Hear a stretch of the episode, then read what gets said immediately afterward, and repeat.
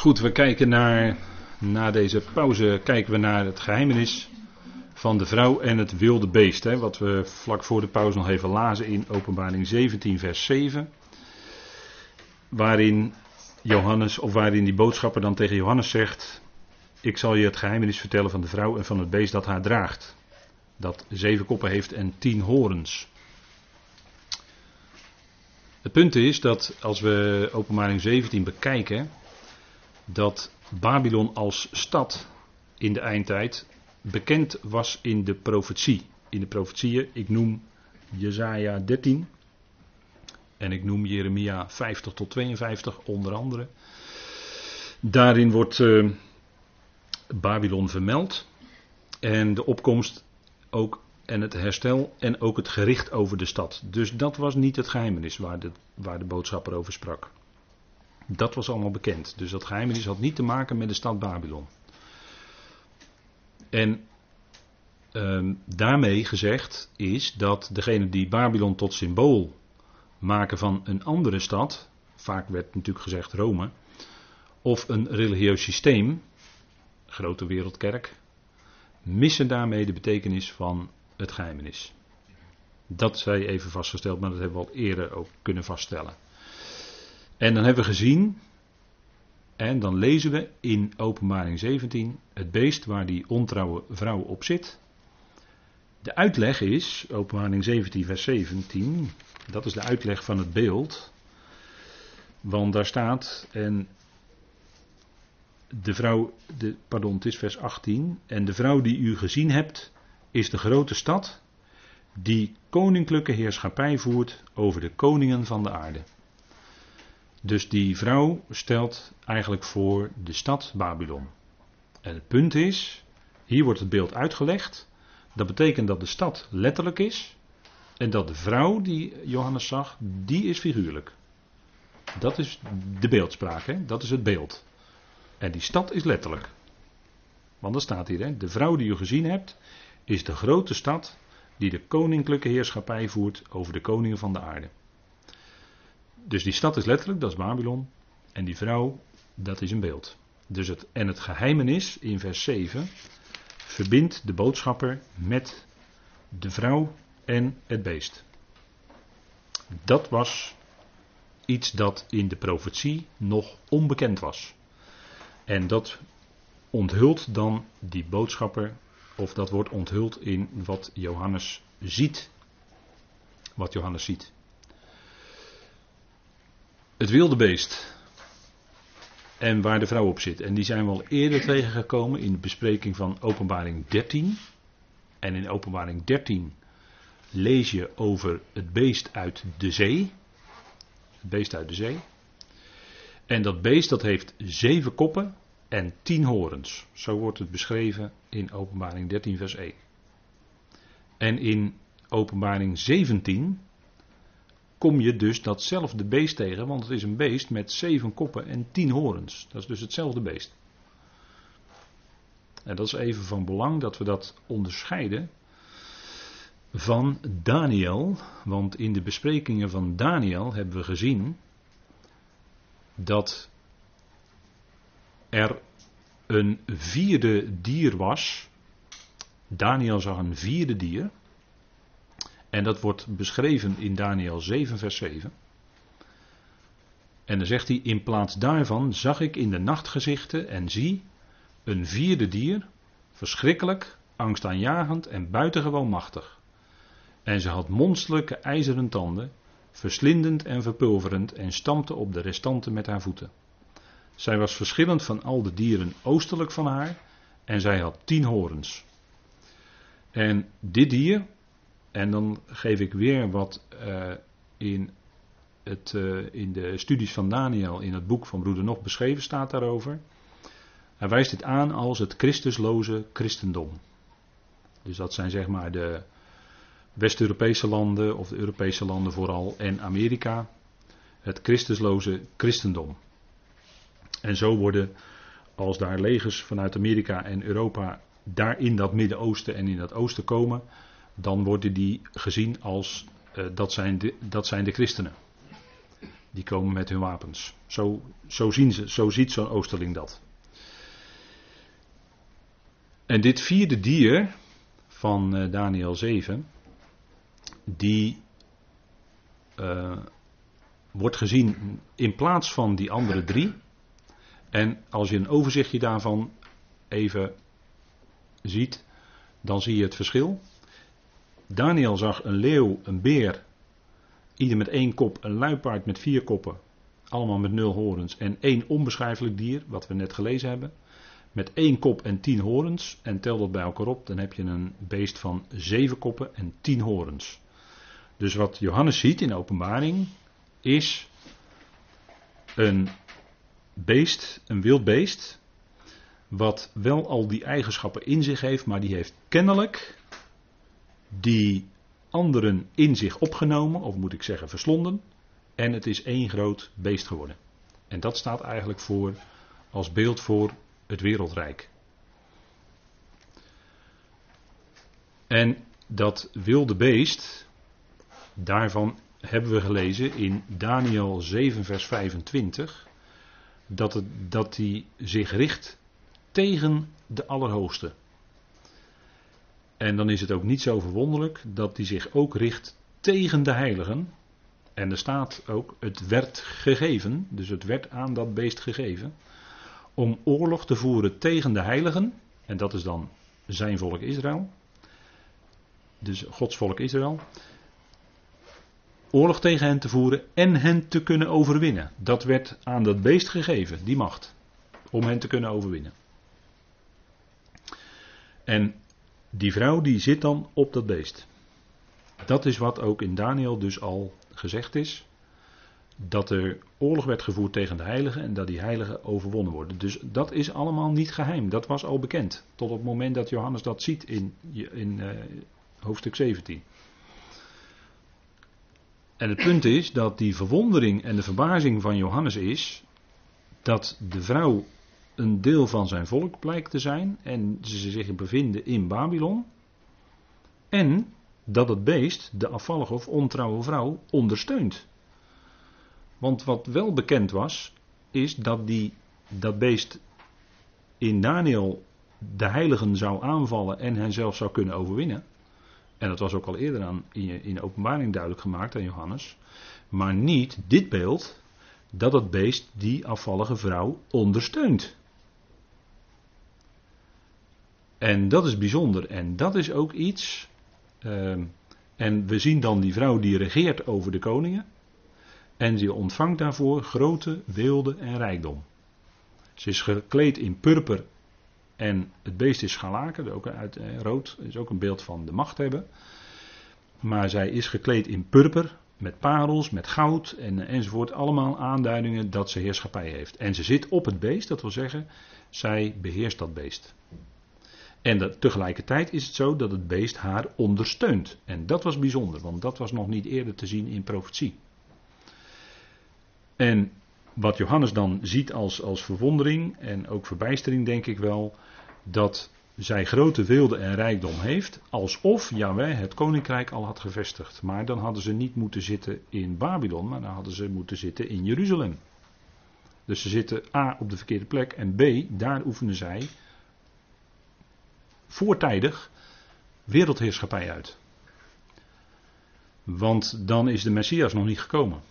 En dat is een punt, hè. Dus dat die beest die vrouw ondersteunt, dat is bijzonder. Want in de voorbije 2000 jaar hebben we gezien onder de volkeren heel veel antisemitisme. De Joden werden steeds overal verdreven. In plaats van dat zij de Joden ondersteunden, werden ze overal verdreven. En eh, de wandelende Jood is een gevleugelde uitdrukking geworden. Ze waren nergens ooit echt thuis. En nooit echt helemaal welkom. Wat we zien in de afgelopen eeuw is een enorme uitbraak. Want eh, broeder Nog schrijft hierover in 1917. En dan is de Eerste Wereldoorlog nog bezig.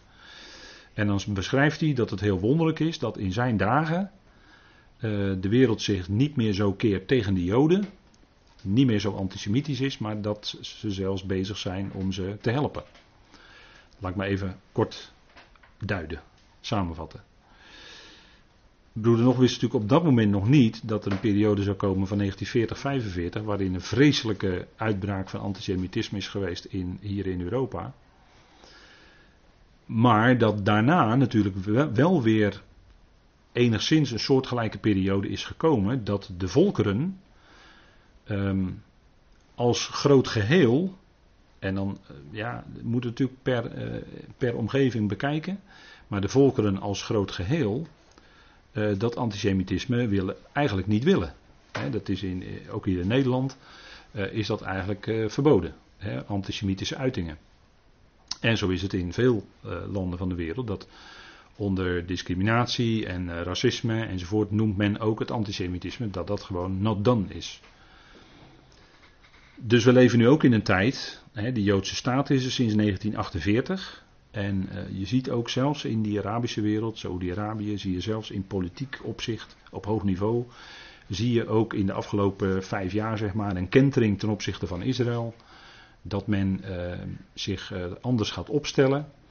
En als u het mij vraagt, zie je daarin een langzame uh, om, omwenteling gebeuren waarin men straks wereldwijd zelfs hen gaat steunen. En dat is wat je, en dat is wel bijzonder als je dat afzet tegen de afgelopen 2000 jaar. En dat is het punt. En dan komen we toe naar dat beeld. Hè, dat dat beest, wat, wat in feite het wereldrijk voorstelt. Hè, alle, dat, waar alle volkeren aan onderworpen zijn. Dat dat die vrouw ondersteunt die afvallige vrouw. Dat die vrouw dus daarover de macht kan uitoefenen. Dat is eigenlijk wel heel bijzonder. En dat is het geheimenis. Dat is wat onthuld wordt. En het punt is dat er twee fasen zijn te onderscheiden. En tot nu toe was er, werd er, was er dus alleen gezegd dat dat beest de heiligen zou, daar oorlog tegen zou voeren en zou overwinnen. Maar nu hebben we nog een extra erbij. Dat is die fase dat dat beest die vrouw ondersteunt. En als we dat koppelen aan het eerste deel van de laatste jaarweek van Daniel, waarin zij dat verbond sluiten met velen, met velen, dan is daar een periode van betrekkelijke rust. Tot de helft van de jaarweek. En dan is er ineens die ommekeer, waarvan de Heer Jezus zegt, als je de gruwel van de verwoesting ziet staan, maak dat je wegkomt. dat is het midden van de jaarweek. En die gruwel is natuurlijk het afgodsbeeld, het beeld van het beest. En dan wordt ineens de aanbidding daarvan verplicht gesteld. En dan gaat die wetteloze zijn, laat maar zeggen, zijn ware gezicht laten zien. En dan zal een enorme uitbraak van antisemitisme komen. Dan komt er enorme vervolging. En dan zal het beest zich ook gaan keren tegen de vrouw. En dat lees je verderop in openbaring. En dan ziet u even die profetieën op elkaar gelegd, hè, of naast elkaar gezet dan ziet u wat contouren komen van die twee fasen. Dus de eerste fase hier is dat het beest die vrouw ondersteunt. En de tweede fase is dat die beest de vrouw haat en haar zelfs vernietigt. Er komt een gericht over het afvallige Israël. En dat is wat die boodschapper ook komt vertellen aan Johannes, die boodschapper van die schaal. Want die schaal staat voor gericht. En het gericht is over het volk en dat is een ernstig gericht. En er zitten tussen die fasen zit. Um, tussen die fasen zit dat dat beest in de afgrond terechtkomt. En de afgrond staat dan eigenlijk in de profetie voor de, ja, laten we maar zeggen, de, de zeeën, de diepte. En dat heeft te maken met de zeeën. Even naar de laatste, ja. En die en dat maakt het verschil tussen die twee fasen. Dat, want er wordt gezegd dat beest dat was en is niet, maar zal er weer zijn.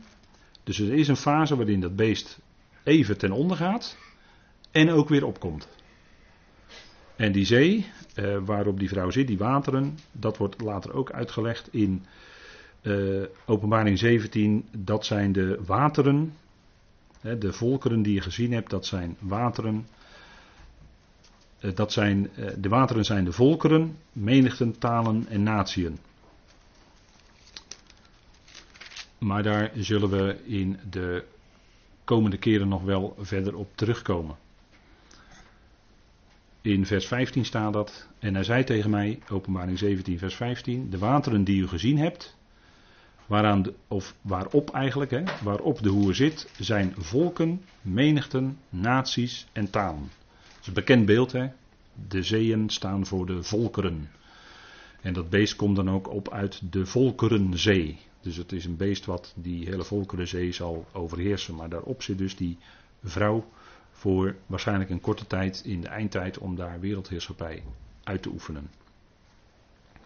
En dat is wat we zien um, in openbaring. En laten we even kijken in uh, Matthäus 24. Dan hebben we dus, dat is eigenlijk het punt van de midden van de jaarweek. Matthäus 24.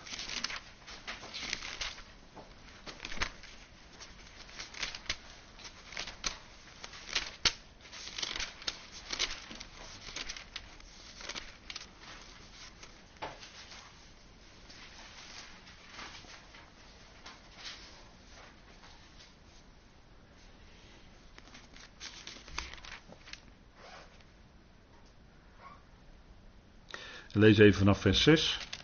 U zult horen van oorlogen en geruchten van oorlogen. Pas op. Word niet verschrikt, want al die dingen zullen gebeuren. Maar het is nog niet het einde. Want het ene volk zal tegen het andere volk opstaan. En het ene koninkrijk tegen het andere koninkrijk. En er zullen hongersnoden zijn en besmettelijke ziekten en aardbevingen in verschillende plaatsen. En dat is natuurlijk wat wij de laatste honderd jaar in steeds intensere mate al zien. Hè? Maar al die dingen zijn nog maar een begin van de weeën. Dan zullen zij u overleveren aan verdrukking en u doden en u zult door alle volken gehaat worden omwille van mijn naam. En dat hebben we natuurlijk sowieso wel in de afgelopen 2000 jaar gezien. En nog heel recent hier in Europa.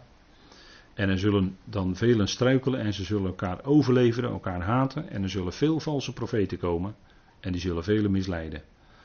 En doordat de wetteloosheid zal toenemen, zal de liefde van velen verkillen. En dat is ook wat we, wat we nu al zien. Hè? En, er wordt er tegen, en dit wordt natuurlijk allemaal tegen Israël gezegd. Maar wie volharden zal tot het einde, die zal gered worden. tot het einde, want die zal dan gered worden, het koninkrijk ingaan.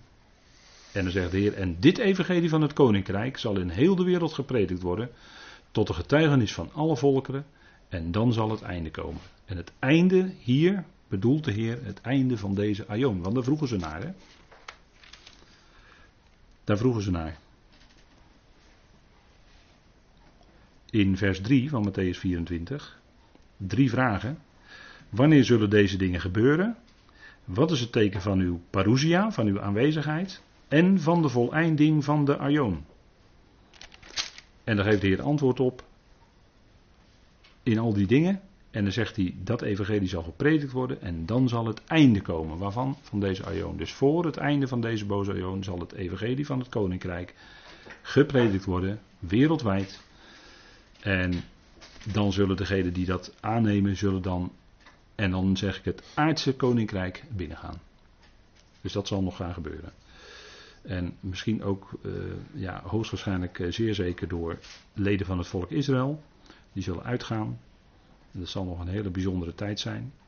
En dan zegt hij tegen die gelovigen: Wanneer u dan de gruwel van de verwoesting waarvan gesproken is door de profeet Daniel, zult zien staan op de heilige plaats, laat hij die het leest daarop letten. En dat, is, dat markeert het midden, als je Daniel leest, het markeert het midden van die laatste jaarweek van Daniel 9. Want op de helft van die jaarweek zal ineens die vorst zal ineens, waarmee dat verbond gesloten is met velen, hè, die zal dat eh, bevorderen, maar die zal ineens het gedurige offer stopzetten. Dus kennelijk is er wel sprake van een tempel waar zelfs offers gebracht worden. Die zal de offerande stopzetten en die zal zich zetten zelf in die tempel en dan moeten ze hem aanbidden. Daar komt het dan op neer. Hè? En dan moeten ze maken dat ze wegkomen, want ja, ga je het niet doen, Ga je niet dat beest of dat, dat beest en dat beeld aanbidden, dan zul je gedood worden. Of je moet vluchten in de woestijn, een schuilplaats. Mogelijk Petra, dat zou kunnen. Of de, de bergen van Judea, dat zou ook kunnen. Dat is ook gesuggereerd door uitleggers. Maar misschien is dat wel Petra, dat denk ik. Maar goed, dat, uh, dat ze daarheen zullen vluchten en daar een beschermde plaats zullen hebben. Maar dan hebben ze geen seconde meer te verliezen. Als je de Heer uh, leest wat hij zegt. Want hij zegt dan in vers 21, want dan zal een grote verdrukking zijn, zoals er niet geweest is vanaf het begin van de wereld tot nu toe en zoals er ook nooit meer zijn zal. En als die dagen niet ingekort werden, zou er geen vlees behouden worden, maar terwille van de uitverkorenen zullen die dagen ingekort worden. Dus het zal een enorme grote verdrukking zijn, vooral over Israël, maar ook wereldwijd zal het te merken zijn. En die tijd is ingekort, weten we uit de profetie, tot 1260 dagen. Want dit duurt exact 1260 dagen, die grote verdrukking. En dan is het voorbij. Tot op de dag af. Dan zullen ze het kunnen uitrekenen. Als dit eenmaal speelt. Hè. Want in die tijd, hè, die tweede helft van de jaarweek, dat is de tijd waarin dat beest ook die vrouw zal gaan haten. En dat zal leiden tot wereldwijd antisemitisme, sowieso, maar dat is ook door de Heer duidelijk voorzegd. Wereldwijd de grootste uitbraak van antisemitisme die er ooit geweest is. Je zou zeggen van kan het nog groter? Ja, het kan nog groter, want wereldwijd. En dan zal uiteindelijk ook die vrouw zelf, maar dat wordt in de openbaring beschreven, vernietigd worden. En dat is dan het gericht over dat afvallige, dat ontrouwe Israël. Goed, ik uh, wil afsluiten met een dankgebed. Laten we het hierbij voor vanavond. Vader, we danken u dat we weer een stap verder konden zetten in de profetieën omtrent Babylon. En dank u wel dat we met elkaar deze dingen overwegen en schrift met schrift willen vergelijken. Vader, dank u wel voor datgene wat u daarin heeft geopenbaard. En ook de ontzettende tijd die uw volk nog tegemoet gaat.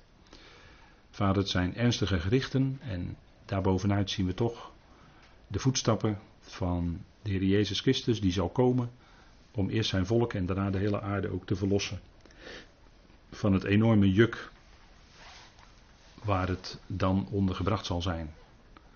Vader, met enorme wereldwijde zware verdrukking. Vader, we danken u dat u ons die genade verleent dat wij daarvoor uitgeroepen worden met de bazuin. We danken u dat we daarna uit mogen zien, Vader, en aan de hand van de profetieën mogen kijken, lijnen die lopen zo in dat wereldgebeuren, hoe dat bezig is, Vader, en dan zien we dat er altijd voor ons die geweldige hoop en verwachting is, dat dit niet het einde is, maar een overgang naar een geweldige tijd. Vader, we danken u daarvoor. We danken u dat we ook naar deze woorden mogen luisteren en daarin de voetstappen beluisteren van uw zoon, die horen we komen. We danken u daarvoor. We danken u dat we geweldig uitzicht hebben en onze bediening is niet op aarde, vader, maar dank u dat hij boven is. Daar heeft u ons dat lotdeel toebedeeld. Vader, om daar straks aan die hemelse machten en krachten uw heerlijkheid, uw genade, uw verzoening te brengen. Vader, we danken u daarvoor, voor dat uitzicht.